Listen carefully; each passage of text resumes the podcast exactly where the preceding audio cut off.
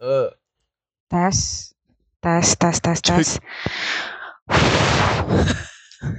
cek cek cek cek cek Cek, cek, Cek. cek, cek. Oke. cek satu cek satu. Oke.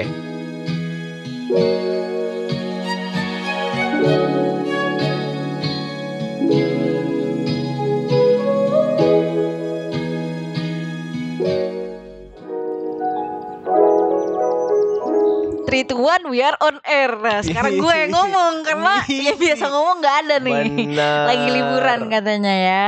Itu dia. Anjing kayak awkward banget dah. Loh kok awkward? Nggak, nggak Gimana? boleh awkward ya. Nggak boleh. Hmm, hmm, hmm, hmm.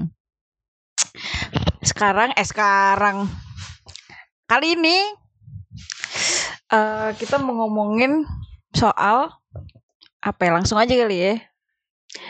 So- Langsung aja kali ya. soal, orang tua ya soal orang tua. kayak kita Eh, ya. Su- sudah tua. Kita nih sebenarnya PRJ aja, Apa tuh PRJ? Le? Persatuan Remaja Jompo. Hmm, bener. Tapi umurnya belum belum jompo, belum lansia. Emang kebanyakan kegiatan aja kayaknya ya. Eh, tapi ini kita sekarang ngomongin orang tua beneran. Lansia sih lebih tepatnya. Oke oke oke. Yang biasa. Gimana tuh?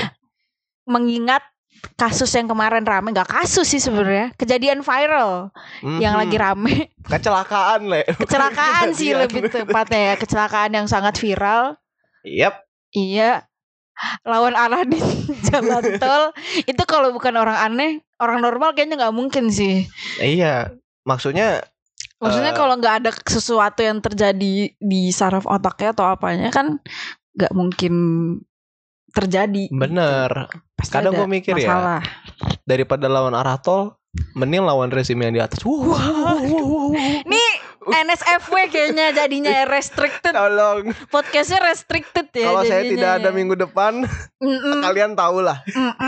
Kayaknya nanti bakso Malang guys, lewat jangan, sih.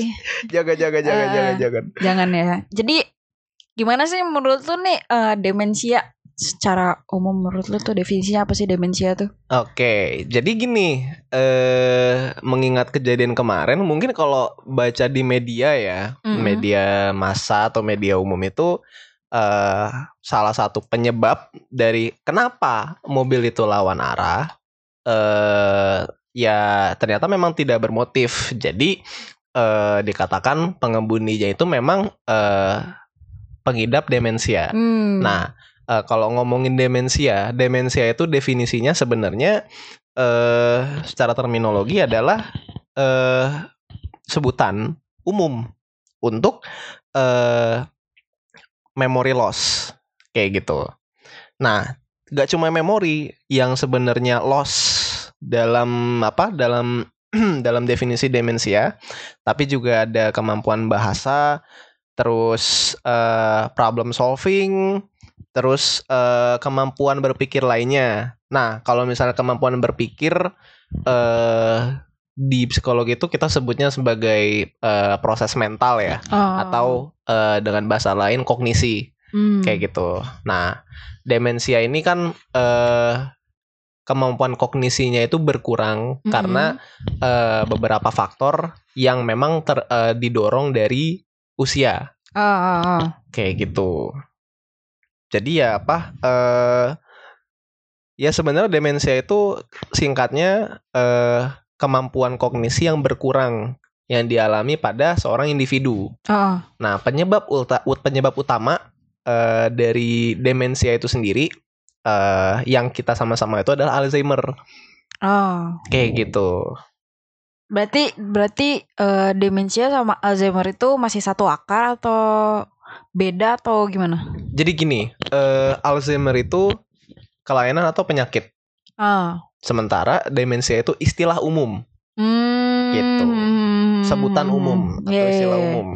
Jadi eh untuk lansia misalnya eh atau eh mungkin nggak lansia, tapi setidaknya ketika ada kemampuan kognisi yang berkurang Mm-mm. dari biasanya dan progresif dalam artian semakin berkurang, semakin hari Berkurangnya semakin cepet berkurang. gitu ya? Apa gimana? Eh, terlepas dari cepat atau lambat, ya kemampuannya makin berkurang gitu. oh, Nah, itu yang kita sebut demensia. Oh, Makanya iya, iya. demensia itu sampai sekarang memang Mhm.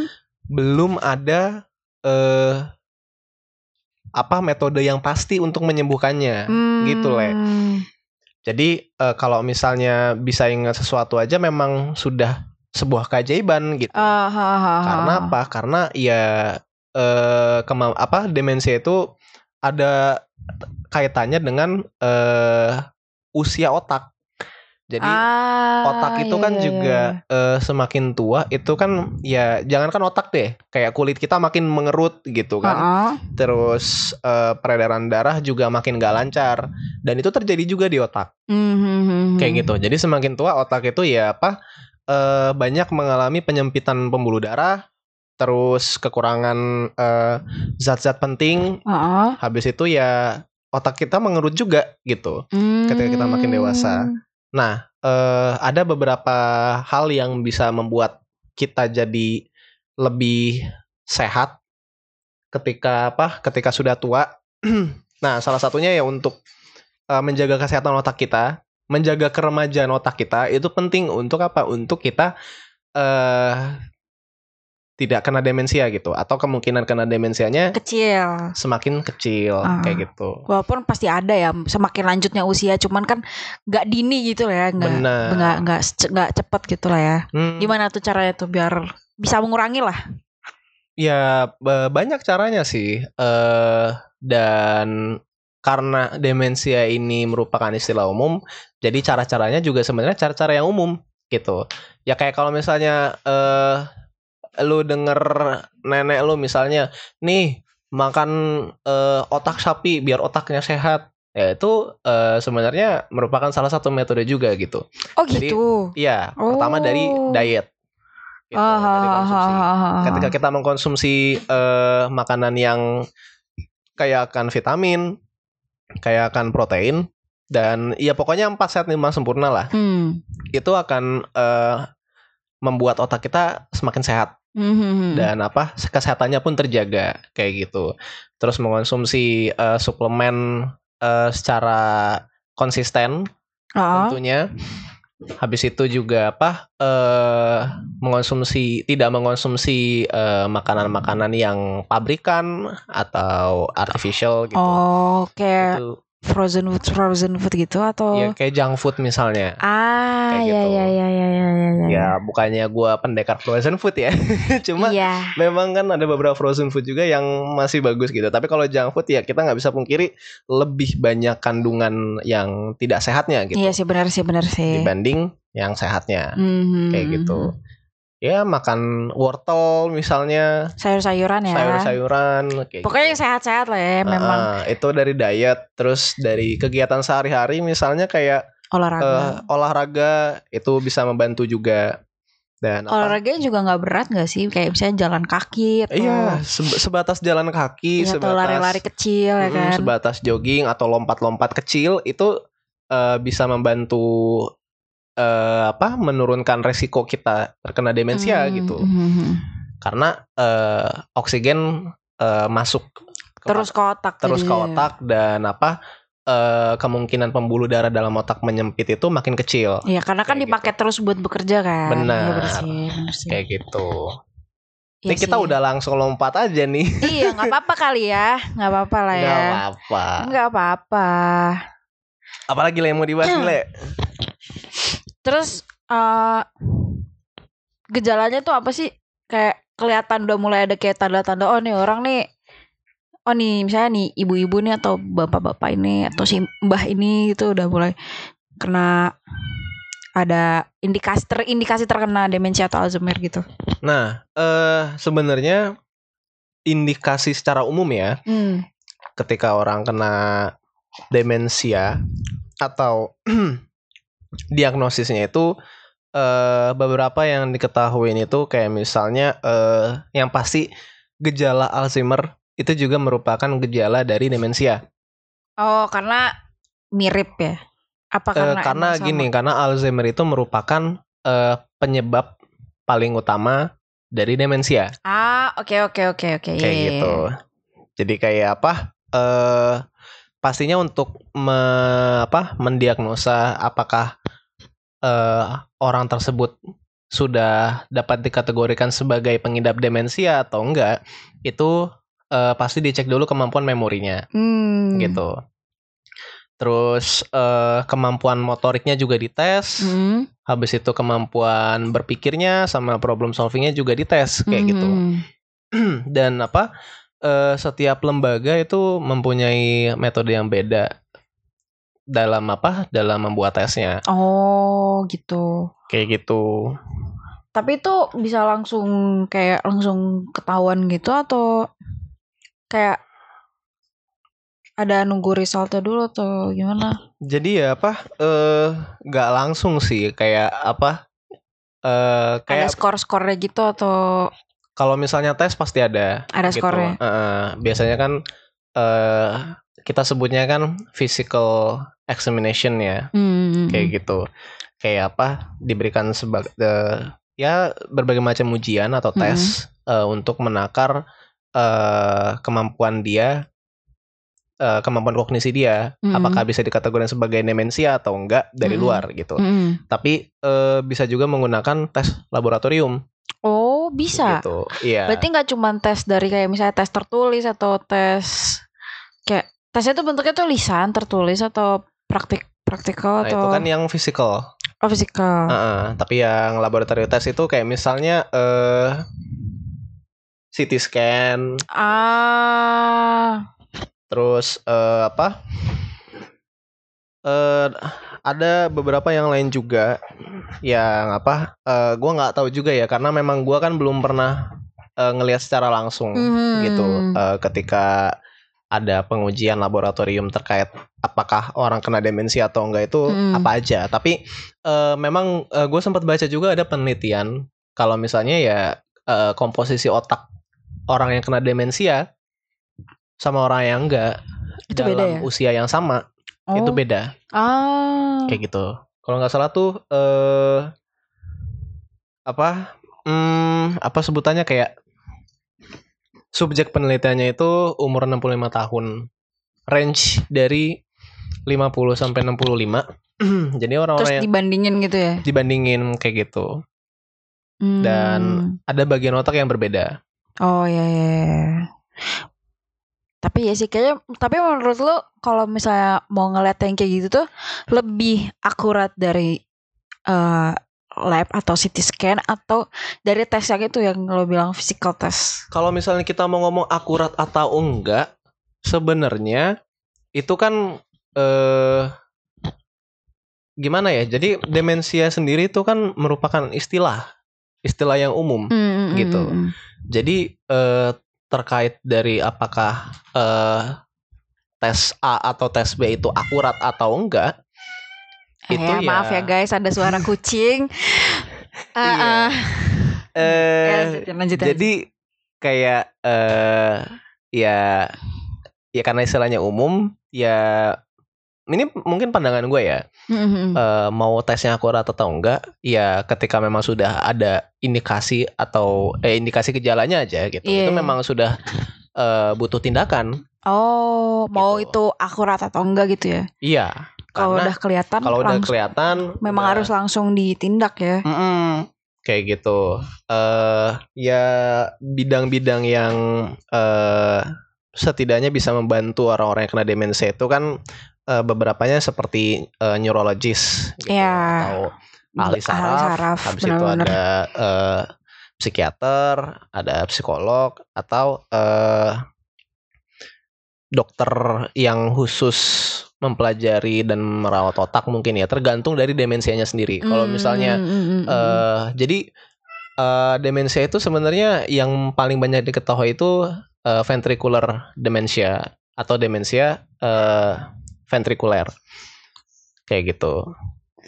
oh gitu. jadi, itu eh, demensia vertical tuh maksudnya gimana tuh dia? jadinya? Disebabkan karena adanya penyempitan pembuluh darah. Oh, tapi beda sama Oh, kalau stroke tuh pecah ya, belum belum belum. Iya. Kalau stroke kan pecah ya, belum. Kalau ini masih menyempit oh, dan ya. apa eh, kemampuan motoriknya pun masih eh apa ya Mas? Mungkin mungkin terpengaruh tapi nggak terpengaruh banget gitu. Cuma yang terpengaruh Hmm, banget itu ya kemampuan daya ingat ya. kemampuan daya ingat, pokoknya proses mentalnya gitu. Ah, Karena nggak bisa kita pungkiri juga kalau misalnya proses mental manusia itu ada Hmm. hubungannya dengan eh laju darah dalam otak. Oh, oh ini ini gue baru tahu deh kalau ini Mm-mm. bisa berpengaruh kayak gitu. Makanya kenapa eh, orang bilang olahraga itu baik untuk eh, kecerdasan mental dan kesehatan mental juga karena ya olahraga itu eh, membuat pembuluh darah di otak itu makin aktif dan tidak menyempit. Hmm. Kayak gitu. Jadi ngalir terus gitu ya. Maksudnya Iya, nggak lebih aktif. Iya iya lebih aktif lebih aktif. Kalau nggak Hmm. ngalir mati dong. Itu dia. Iya maksudnya takut. lebih lebih banyak bekerja nah itu Iya. maksudnya. Kalau banyak mikir jalan juga enggak? Mm, ntar, dulu, mikir apa dulu? Overthinking gitu. misalnya. Nah, kalau overthinking itu kan beda. Jadi, oh beda ya. eh uniknya gini, di otak kita itu ada bagian otak yang eh, bertanggung jawab melepaskan hormon yang disebut kortisol, Oh. gitu. Nah, kortisol ini salah satu pemicu stres paling utama, Pada manusia. Hmm. stres mental ya gitu. Eh, kenapa? Karena kortisol ini cara kerjanya adalah menyempitkan pembuluh darah di dalam otak. Ah. kayak gitu. Justru berarti kalau overthinking tuh malah bikin nyempit ya. Malah bikin menyempit. Bukan bikin lebih aktif ya. Beda. Iya. Oke. Jadi eh, Jangan overthinking guys. Iya, jangan overthinking. Jangan guys. overthinking. Jadi eh, apa? Ketika kita overthinking itu eh, secara singkat gue jelasin ya. Eh eh, overthinking itu kan menimbulkan rasa sakit Hmm, pada otak, bener sih. menimbulkan rasa sakit eh, pada otak. Bisa bikin Dan- pusing juga gak sih kadang? Iya, bisa bikin Pusing, pusing. kan. Dan apa? eh dari rasa sakit itu bagian otak yang bertanggung jawab untuk melepaskan hormon kortisol itu merespon rasa sakit itu. Dan apa? Akhirnya menyebarkan hormon itu di bagian-bagian otak tertentu. Dan akhirnya Oh. merasakan stres Ah. seperti itu. Jadi malah kebalik ya, bukannya malah aktif, Iya. malah menyempit juga. Mm-mm. Mm-mm. Ini abor nelpon nih, benar. Mm-mm. Bentar ya guys. Enggak, enggak, enggak. Ya, lanjut aja lanjut. Oke lanjut dulu, baik. Berisik banget ya nih orang ya. Mohon maaf nih. Oke, lanjut lagi. Oke. Maaf ya, memang Ada sedikit agak, iklan eh, eh, tadi iklan sebentar. Sampai mana tadi kita ngomongnya? sampai ngomong overthinking. Oh, overthinking. Ya pokoknya jangan stres karena nanti lu malah mau percepat Ya, itu bisa, bisa jadi mempercepat juga. bisa jadi eh, salah satu pemicu demensia juga. Hmm. Kayak gitu. Karena apa? Karena eh, overthinking yang menimbulkan stres, stres ya berkelanjutan itu ya membuat eh ya meningkatkan resiko kita mengidap demensia kayak Oh, gitu. Tapi gue mau nanya sih ini sebenarnya nggak ada di nggak ada di ini nggak ada di list pertanyaan gue. Ya, gue cuma mau nanya aja. Jadi kepikiran orang yang punya mental health, apakah lebih cepat terkena demensia atau tergantung pola hidupnya Mental atau gimana? illness kali. Salah mental illness. Nah, ya kan. maaf ya. Kalau mental health ya sehat dong. Eh ya salah. Mental illness, mental disorder. Nah, Hmm, dan ya. sebangsa sebangsanya itu. Hmm. Atau tergantung dari jenis mental disorder Ya, sendiri. jadi tergantung dari eh, mental illnessnya sendiri, Hmm. kayak gitu. Eh, karena demensia itu kan istilah yang digunakan untuk eh, adanya gangguan dalam proses kognisi atau proses Hmm. mental, ya Hmm. seperti berpikir, problem solving, terus imajinasi dan apa eh, kemampuan bahasa, Hmm, hmm, mengingat gitu dan lain sebagainya berhubungan dengan kognisi. Nah, eh ada beberapa eh, kelainan mental atau mental illness yang eh, tidak mempengaruhi kognisi secara signifikan gitu. Ya apa? eh, contohnya kayak kelainan-kelainan kepribadian ya, Hmm, hmm. itu memang tidak impact langsung ke kognisi, tapi lebih eh, impact ke kepribadian. Gitu. Hmm. ya kayak borderline terus kepribadian ganda habis itu eh bipolar itu bisa masuk ke gangguan kepribadian juga. Oh, kayak gitu. Walaupun memang yang terkena yang paling kena imbasnya itu kan mood swing ya. Ya, kayak ya, gitu ya. atau moodnya cuma eh, dari mood swing itu bisa membentuk kepribadian yang baru sebenarnya kalau misalnya memang eh, sudah lama dan sudah ini ya sudah tingkat tinggi lah Mm-mm. kayak gitu dan apa eh ya ada beberapa eh, kelainan mental lain yang memang eh, hubungannya sangat kecil dengan demensia Hmm. tapi pertanyaannya apakah demensia bisa menimbulkan mental illness yang lain Ya, itu Gitu. gimana tuh? Kalau kebalik gitu, Ya, eh sebenarnya gini sih, eh orang itu bisa dikatakan demensia bahkan ketika tidak ada eh indikasi gangguan mental. Kayak Alzheimer misalnya. ah, Orang itu mungkin eh misalnya gak ada gangguan Alzheimer, tapi kok eh kemampuan berpikirnya makin berkurang mm. dan mungkin bisa dikatakan eh, mengalami demensia. Hmm. Dan apa eh yang gue bilang tadi, demensia itu kan eh ada kaitannya dengan eh semakin menurunnya kemampuan kognisi pada lansia Hmm. gitu. Nah, bisa jadi eh menimbulkan mental illness yang baru juga atau yang lain juga gitu. Kayak Mhm. misalnya eh, anxiety itu bisa muncul ketika eh, lansia tersebut yang memang sebenarnya eh, awalnya biasa aja Mm-mm. gitu. Tapi eh, ketika dia mulai ragu Mm-mm. karena kemampuan problem solvingnya berkurang, makin ke sini dia makin cemas misalnya, Ah. makin khawatir. makin takut akan usianya yang makin tua misalnya, Ah. kayak gitu. Dan akhirnya eh anxiety-nya itu eh, kecemasannya itu bisa dikategorikan sebagai eh mental illness gitu. Hmm, karena karena karena dia menimbulkan apa Karena sih? mulainya Ya, mulainya dari situ kan. mulainya dari Hmm. ketika dia eh, dikategorikan sebagai orang yang pengidap demensia. Oh, jadi Kayak muncul gitu. kayak dirinya jadi cemas, jadi takut segala macam Iya. gitu. Nah, itu salah satu contoh. Jadi ya eh, apakah demensia bisa menimbulkan eh, mental illness lain? Bisa, Bisa, Kayak tapi gitu. tergantung balik ke orangnya lagi kan. balik ke orangnya lagi. Tapi kemungkinan itu pasti ada gitu. Kemungkinan itu Dan pasti sebaliknya ada. juga misalnya kayak dari men- mental illness yang lain ke demensia itu juga Iya. kemungkinannya ada ya. Dan apa eh, kalau memang mental illness-nya berhubungan dengan kognisi, Mm-mm. itu bisa meningkatkan eh, kemungkinan orang tersebut mengidap demensia. Hmm, karena berhubungan sama penyempitan Ya, J- beru- ah. ya terlebih berhubungan dengan stres. ah ya ya, ya Gitu. paham paham paham paham gitu guys Pokoknya kata kuncinya stres dan penyempitan bulu darah. hmm penye- penyempitan pembuluh darah dan apa? eh kata yang paling erat dengan demensia itu ya Alzheimer karena yang gue bilang tadi di awal Alzheimer itu merupakan penyebab utama. Penyebab utamanya ya Iya. dan dari- bisa diiringi oleh yang lain-lain bisa diiringi tergantung oleh yang orangnya lain. juga kan Mhm.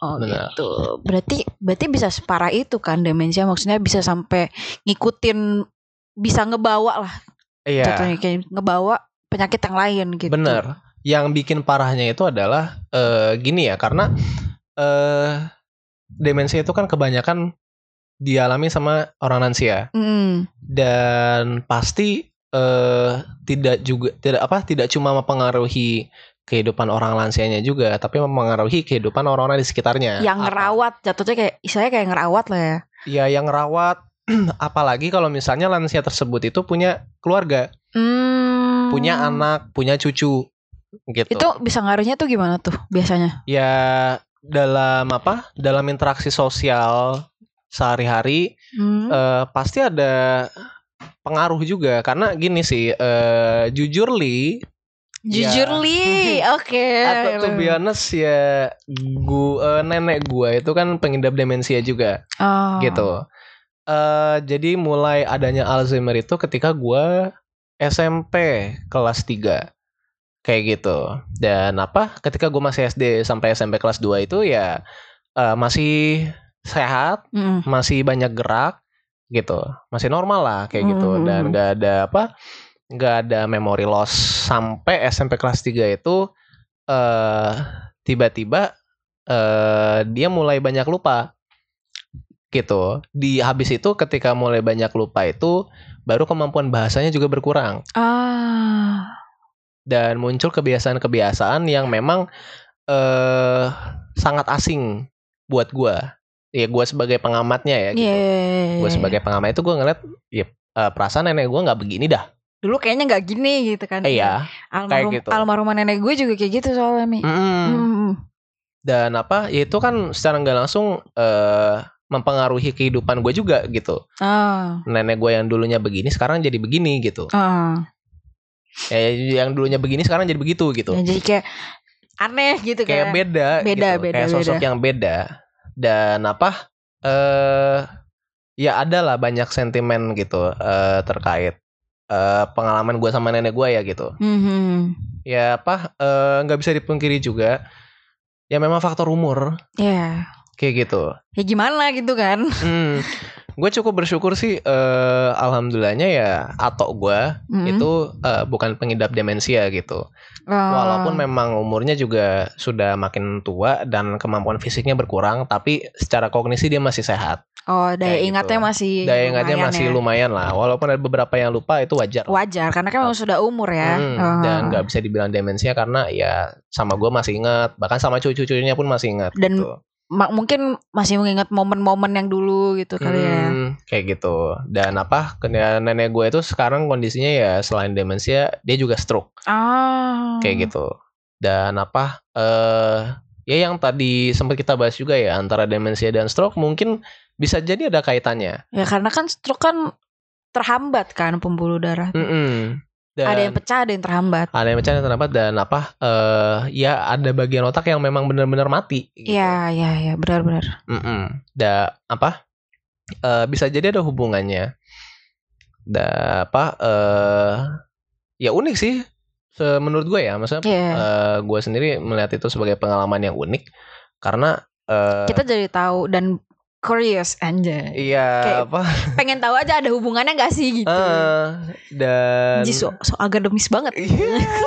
ya kita kan kita kan mantan enggak gua gua enggak ma- gua masih akademisi. Iya, saya sudah Iya. enggak eh oke lanjut. Eh, Iya ya kayak gitulah. Jadi eh apa ya?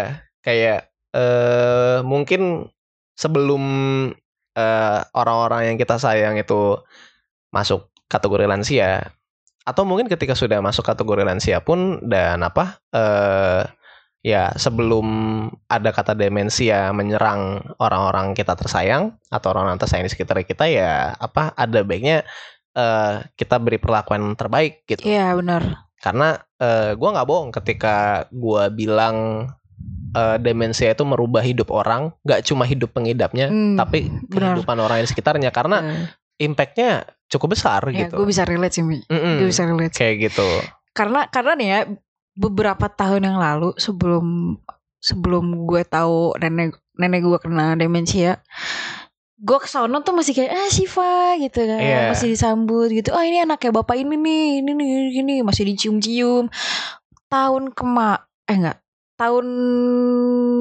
dua tahun yang lalu berarti 2019 ya.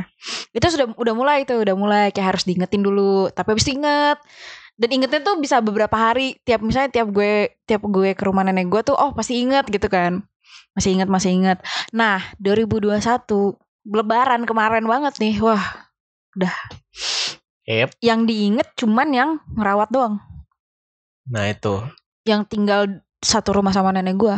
Jadi gue tiap tiap gue berkunjung ke rumah nenek gue karena kan bokap gue beda rumah ya sama nenek gue kan Mhm. nggak tinggal di rumah nenek gue tiap gue ke sana pasti tanya ini siapa ini siapa even sama bokap gue sendiri pun nggak kenal Iya. yang benar-benar diingat cuman yang ada di rumah itu doang gitu Nah itu. Kayak sedih banget sih jujur Iya. Sedih Dan banget sih, apa, sedih Kalau banget misalnya kita berkontemplasi mungkin ya terkait demensia itu eh, pasti lebih banyak sedihnya gitu. ya karena kayak ya ini cucu lo sendiri gitu cucu lo Yep. sendiri nggak diingat anak sendiri bahkan nggak diingat Iya. Ya bener-bener nenek gue inget tuh cuman orang yang di situ sama almarhumah atau gue Iya. yang diinget sama kayak masa lalu lah istilahnya tuh lebih inget justru malah inget hal yang dulu-dulu daripada hal yang sekarang gitu Iya. gue kayak oh oke Ya ini sih tergantung dari eh ini yang gue pelajarin ya Hmm. gitu. Mungkin bisa salah, mungkin bisa benar.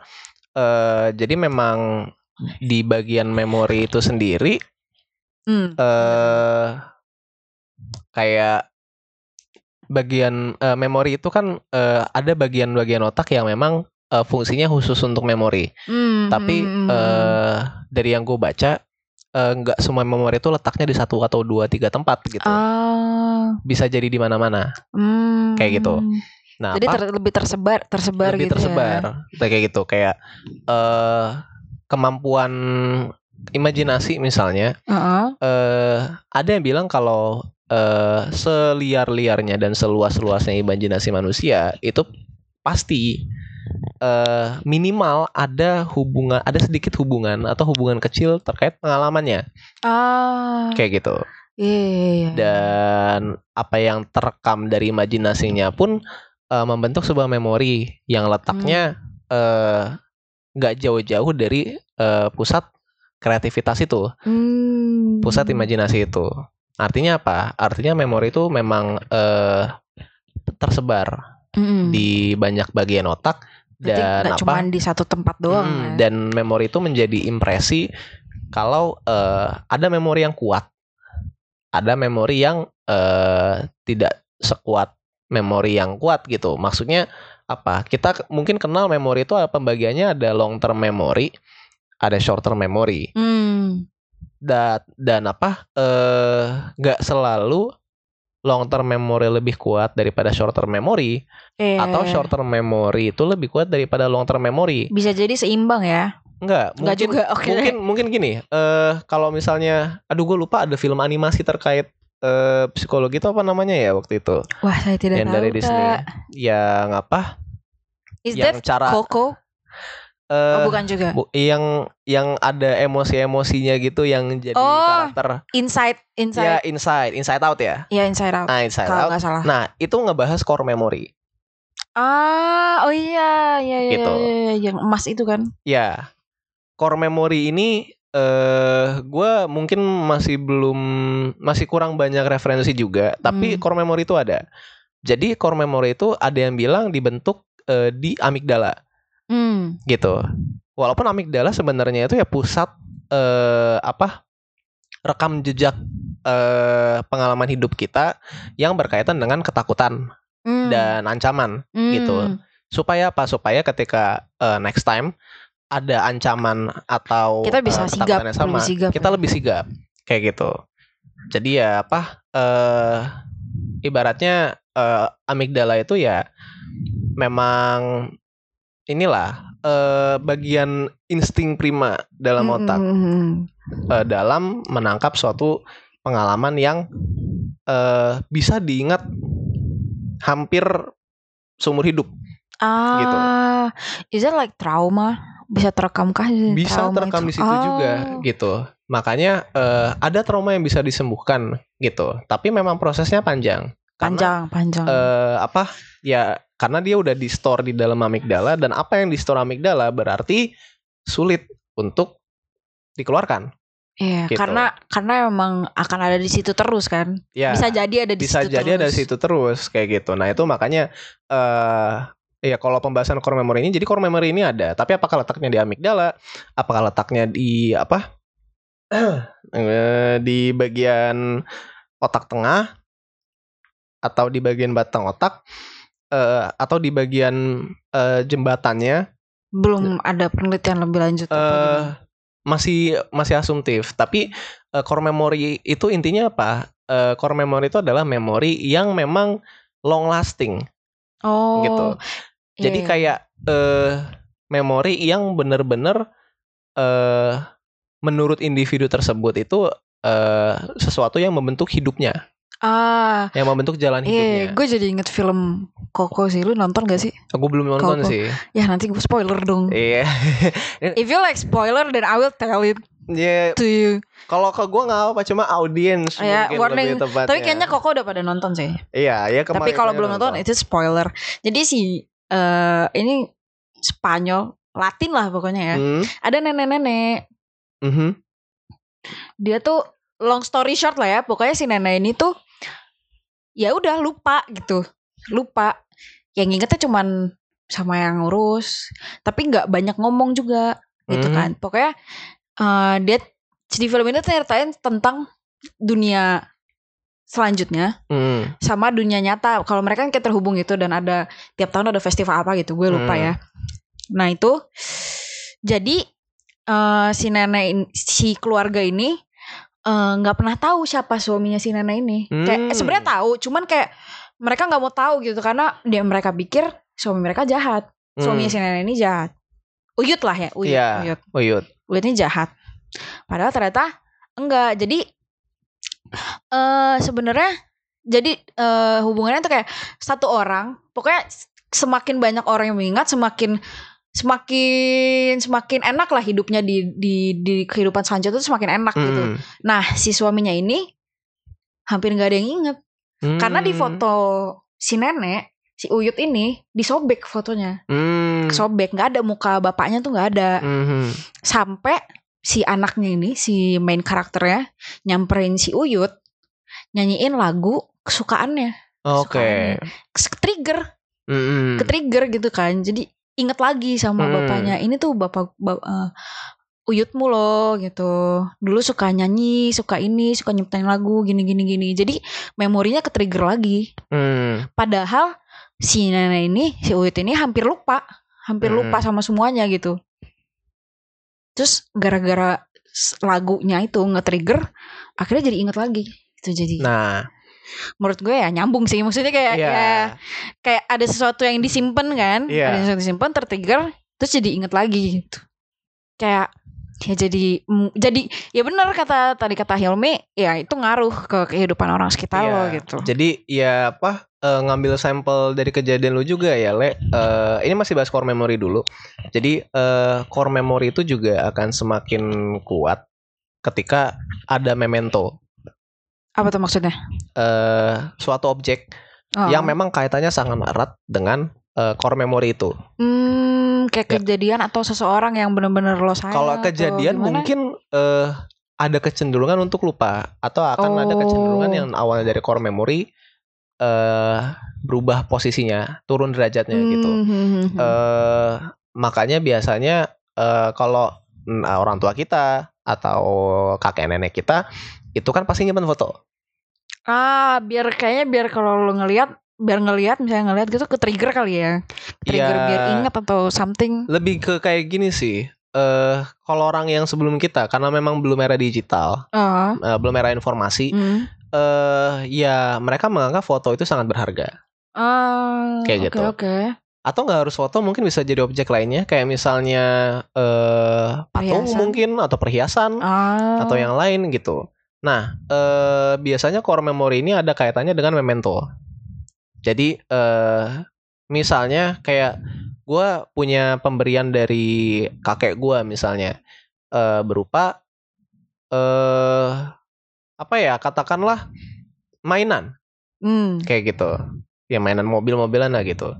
Dan apa eh semakin gua membawa mobil mainan itu eh, ke kakek gua ketika gua masih kecil eh semakin terbentuk eh, semakin kuat juga memorinya terhadap mobil kecil itu Hmm. dan eh, kemungkinan besar ketika dia ya apa mengidap Alzheimer ketika gua tunjukkan mobil itu dia ingat sama mobil itu Oh ini dulu Walaupun- yang kasih gitu ya. walaupun dia nggak ingat sama gua Ah, iya, Gitu. iya, iya, Jadi, iya. oh saya dulu eh, sering main mobil ini sama cucu saya gitu. Ah, padahal cucunya nggak tahu yang mana. Yang dia inget maksudnya. Heeh, karena ya ya kita kan fisiknya berubah pasti Iya. ketika kita sudah dewasa gitu. Iya. Dan Mungkin yang apa? diinget pas masih kecil kali ya. ya bisa yang jadi. yang dia ingat itu mobilnya. Oh yang diinget mobilnya. Iya.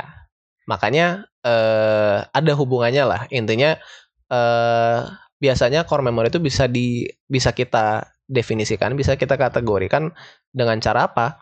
Eh dengan cara ya eh memento itu gitu. Hmm. atau sebuah objek yang menjadi memento. Jadi eh, kayak eh apa pun itu, ketika interaksinya itu banyak eh, dengan kakek nenek kita atau orang-orang lansia yang meng- mengidap demensia, itu eh yang dia ya semakin dia bisa mengingat benda itu dan semakin dia bisa mengingat juga hubungan antara benda itu dengan yang lain. Hmm, Kayak gitu. iya, iya, iya, Nah, apa? Eh yang pasti dia ingat benda itu. Hmm. Kenapa?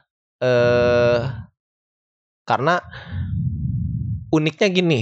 Jadi eh sampai sekarang masih dalam penelitian kok manusia itu bisa le- lebih mudah mengingat benda Ah, daripada dibanding wajah manusia. Oh, apa karena lebih susah diingat kali ya wajah ya daripada benda atau gimana? Ya Ah, itu penyeb- masih- masih penyebabnya research apa ya? gitu. Oh iya iya benar benar. Penyebabnya benar. apa? Kan pertanyaan kembali Iya ke situ. juga.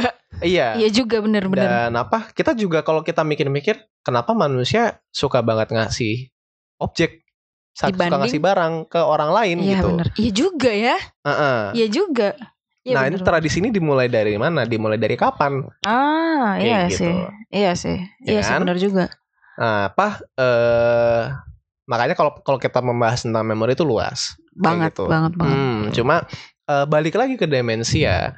Jadi eh inti dari pembicaraan gua tadi adalah eh wajar ketika eh demensia pengidap demensia itu lupa sama anggota keluarganya misalnya atau. Hmm. orang terdekatnya lah yang memang berhubungan darah gitu. Hmm.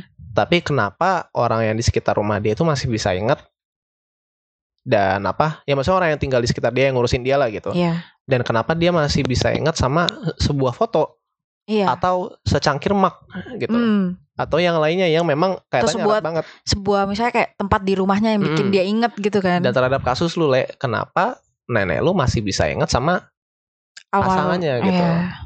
sama almarhum atau lu gitu. Oh. Karena mungkin eh atau lu punya eh mu- nenek lu punya hubu apa memori yang kuat Soal atau gue. soal atau lu. Mungkin mereka sudah membentuk core memory kalau kita pakai Hmm. bahasa film Inside Out ya gitu. Eh, Sudah membentuk core memory. ada ada ada ada ada. kejadian dan ada bukti barangnya juga di mana eh hal itu tidak akan terlupakan untuk mereka berdua. Ah, oh my god, it's so sweet. ya, kayak gitulah. Jadi ya apa? Ya namanya memori sebenarnya nggak harus sweet juga ya. Eh kayak bisa jadi misalnya eh peninggalan teman kita ketika meninggal perang misalnya, Hmm. meninggal karena perang gitu. Dia ninggalin ini. Nah, itu ya bisa jadi kita ingat juga gitu. Oh ya benar sih. Eh, kayak veteran-veteran perang itu banyak yang eh mengidap demensia dan Tapi mengidap kalau Alzheimer dikasih juga. Tapi lihat- ya objek peninggalan temen Iya. prajuritnya yang meninggal dalam perang itu dia masih ingat gitu. Hmm. Pasti langsung ketika oh iya dulu gini, dulu Hmm. gini. Iya, iya benar benar benar sih. Nah, itu eh banyak terjadi di Amerika Ah, kayak gitu. karena mereka senang perang ya. I- iya, iya, wa- waktu itu. Kalau sekarang itu. kalau sekarang mm, iya, mm, jangan ntar gue diculiknya makin jauh. Iya, kejauhan kayaknya nanti tiba-tiba ngeng turun helikopter kan. Itu dia. Gue Iya. takut diculik dari Jakarta jadi ke Ono. Eh, eh, jauh banget ya tiba-tiba Iya. FBI. Up. Oklahoma jauh. jangan. Masih belum siap. Mm, Ini Masih ada yang gitu. dikejar ya? Wuhui. Hihi. Pendidikan guys Iya. yang dikejar eh, pendidikan. eh. sampingannya juga. Sampingannya duit. Kenapa? Karena kita tidak punya uang. itu meme banget kayaknya. Jadi Oh, meme. itu Ini masalahnya paling relatable nih. Iya, Dari benar sih. semua meme yang ada, meme pemerintah, nggak canda pemerintah. Eh, ya itu doang yang paling relatable Iya sih gitu. Karena kita Dan tidak punya uang. iya, karena benar. Karena apa? Karena kita tidak punya uang. nah, jadi, Gini jadi nih. ngomongin uang nih Iya. kita nih. Nah, dari dari psikologinya nih, biasanya kalau misalnya ke psikolog membawa eh, pasien yang terindikasi atau memang sudah terdiagnosa demensia itu biasanya diatasi apa? Apanya duluan gitu? Tahap-tahapan deh. Eh, jadi gini, kan gue bilang tadi di awal, memang demensia itu belum ada obatnya. Mm. Tapi eh yang namanya penyakit itu ada alternatif. Ada Hmm. penyem- inilah pengobatan alternatifnya gitu. Selain obat ya, Ya ada yang obat, ada yang enggak? ada yang non obat, Mm-mm. ya kan?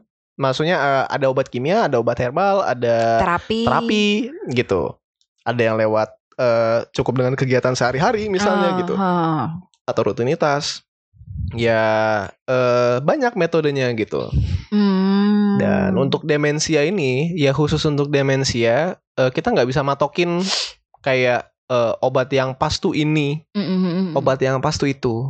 Mm. Ya karena memang belum ada spesifikasi obatnya harus bukan seperti apa belum atau gimana? ada metode penyembuhan yang pasti. Oh. Gitu. Yang pasti yang mengurangi eh apa eh, keparahan dari dampak demensia itu sendiri terhadap Hmm. individunya gitu. Tapi maksud juga, tapi kayak biasanya eh, pertolongan pertama lah. Nah, pertolongan pertama itu pasti eh tergantung bagian eh kemampuan mana ya. yang Eh, apa yang terkena terlebih dahulu eh, gitu. Mulai kelihatan an- mulai kelihatan tidak biasa. Ya kayak misalnya eh bisa jadi eh demensianya eh, lebih ke agnostik misalnya. Hmm. Ya apa eh, mau nggak mau kan diberikan terapi untuk agnosia juga gitu kayak Hmm. eh, pengenalan objek Hmm. terus eh ya karena agnosia di ada klasifikasinya Eh, sebentar. sendiri ya.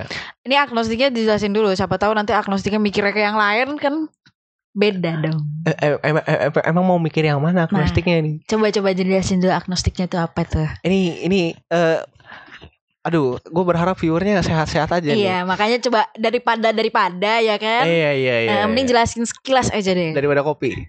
Itu, itu, Eh, itu kedai. Itu- Salah. Heeh, ini Sorry guys. sedikit aja bi- biar Iya. orang nggak salah paham kayaknya ya. Ya jadi kayak misalnya gini, kayak misalnya eh si pengidapnya itu tiba-tiba eh, kemampuan bahasanya makin berkurang Hmm. gitu. Ngomong A kok maksudnya bukan A malah maksudnya B Ah. gitu. Misalnya kayak gitu. Itu bisa dikatakan agnosia. Hmm, hmm, hmm, Dan hmm. apa eh mau nggak mau kan harus ada terapi di mana ya diluruskan lagi. diluruskan lagi di apa eh ditingkatkan lagi gitu kemampuan bahasanya. Hmm. Ya mungkin nggak bisa dibilang tingkatkan ya, ya mungkin diluruskan atau ya apa eh diberikan treatment lah Iya, berupa iya. eh im- eh, apa input-input yang memang eh kurang lurus, kurang benar. Ya juga. Iya, iya benar sih, Ah, iya benar benar. Maksudnya kayak apa input yang mm, setidaknya mengurangi dampak yang berat Hmm. terkait kemampuan kebahasaannya Hmm. kayak gitu. Nah itu maksudnya agnostik ya. Jangan yang mikir yang lain-lain. Mm, Ntar di banned nanti nih channel. waduh. Aduh, jangan dong ya. Jangan. Kita ngomongin psikologi, guys. Iya. Jangan jangan jangan pakai konteks yang lain. Eh, Oke lanjutin. Ya, habis itu eh ya intinya itu sih sebenarnya kayak misalnya eh ya kenanya yang lain kayak problem solving misalnya Ah. gitu. Kalau problem solving ini kan eh ya berarti harus ada terapi yang berhubungan dengan eh, problem solving juga Hmm. supaya eh apa kemampuan problem solvingnya nggak berkurang Hmm. kayak berarti gitu. berarti emang tergantung kenanya di mana ya. Tergantung eh Kemampuan Indika- mana yang kena. indikasi awalnya gitu. Iya, Jadi awal. kayak eh oh dari indikasi awal ini yang paling terdampak eh kemampuan bagian ini nih gitu Hmm. bagian apa katakanlah bagian memori misalnya. Mhm. Ya berarti eh mungkin nanti kalau dari psikolog akan ada terapi di mana eh si pasien dapat apa eh ya disuruh melakukan atau ya diberikan terapi yang berhubungan erat dengan kemampuan memori Oh. gitu. Oh gitu. Nah misalnya nih, misalnya nih udah ada obat, misalnya udah ada nih Hmm. spesifikasi obat yang buat eh, orang-orang yang eh, terkena demensia, Mhm. karena terdiagnosa, Iya. terdiagnosa demensia. Nah itu menurut lo dibutuhkan atau enggak? Atau tergantung indikasi awalnya? Ya eh kalau misalnya udah ada obatnya dong, Mm. pasti ya obat itu yang bakal Membantu paten ya? dan yang bakal membantu juga gitu. Ah, Masalahnya iya, kan iya. eh ada be- berbagai macam obat untuk pengidap demensia, tapi nggak semua nggak nggak semua demensia itu bisa make obat tersebut. pakai obat tersebut Hmm, gitu. iya. Jadi obatnya tuh beda-beda. beda-beda ya. Mm-mm.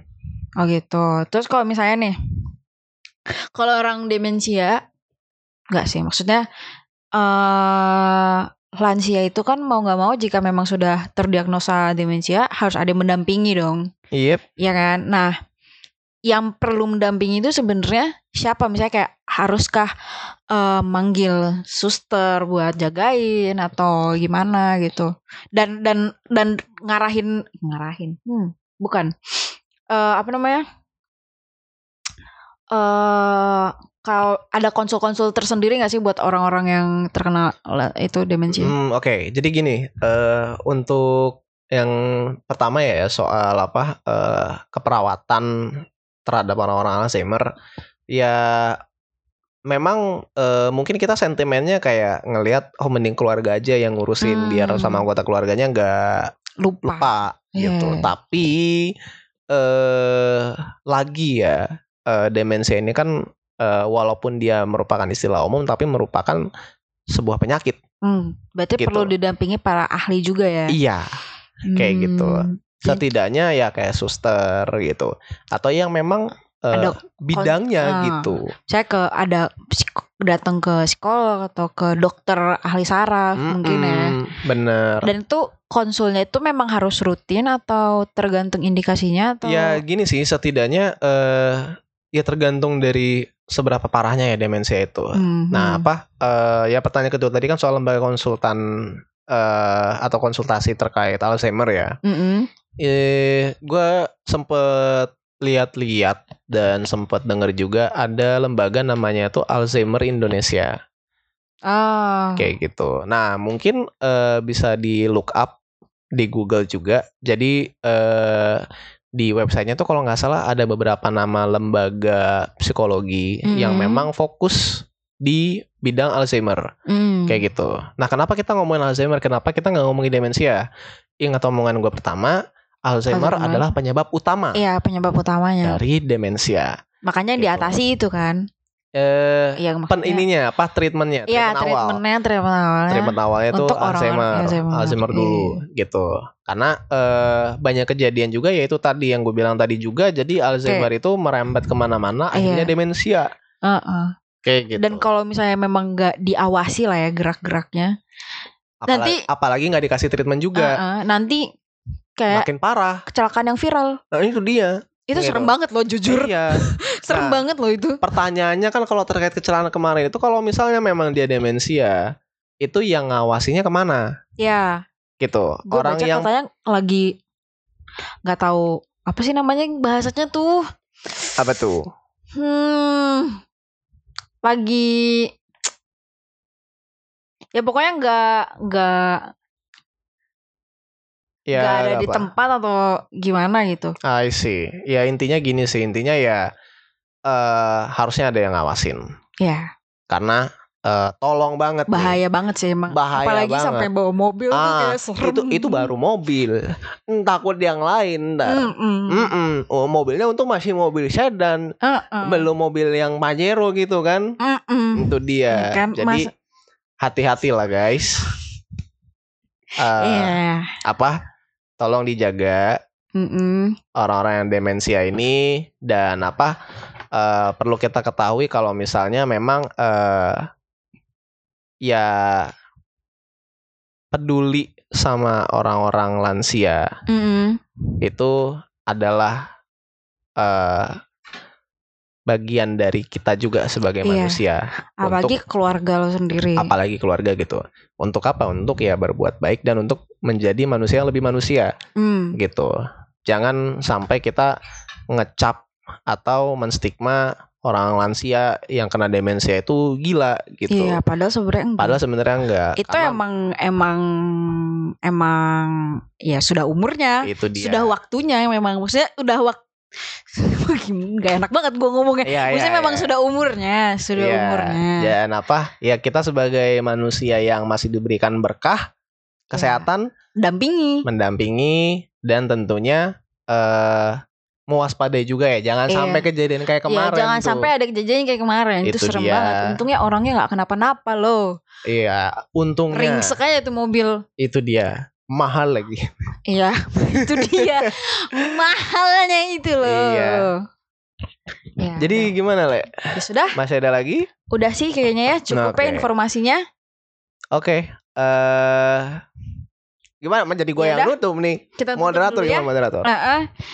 sampai berjumpa Enggak sih maksudnya sebenarnya kalau misalnya ada mau pertanyaan bisa di kolom komentar. Nggak ada dia. videonya sebenarnya nggak ada videonya. Tapi ya kalau mau komen komen aja. Bisa bisa. Mm-mm. kalau mau diskusi bareng boleh. Boleh nanti live dia aja yang on ya. Gas lah. Gas terus Iya. gue mah. Ya udah sampai oke. meledak. Ya oke. kita tutup tutup ya see you guys. Ya udah bentar lagi episode terakhir. Dadah dadah dadah. Dadah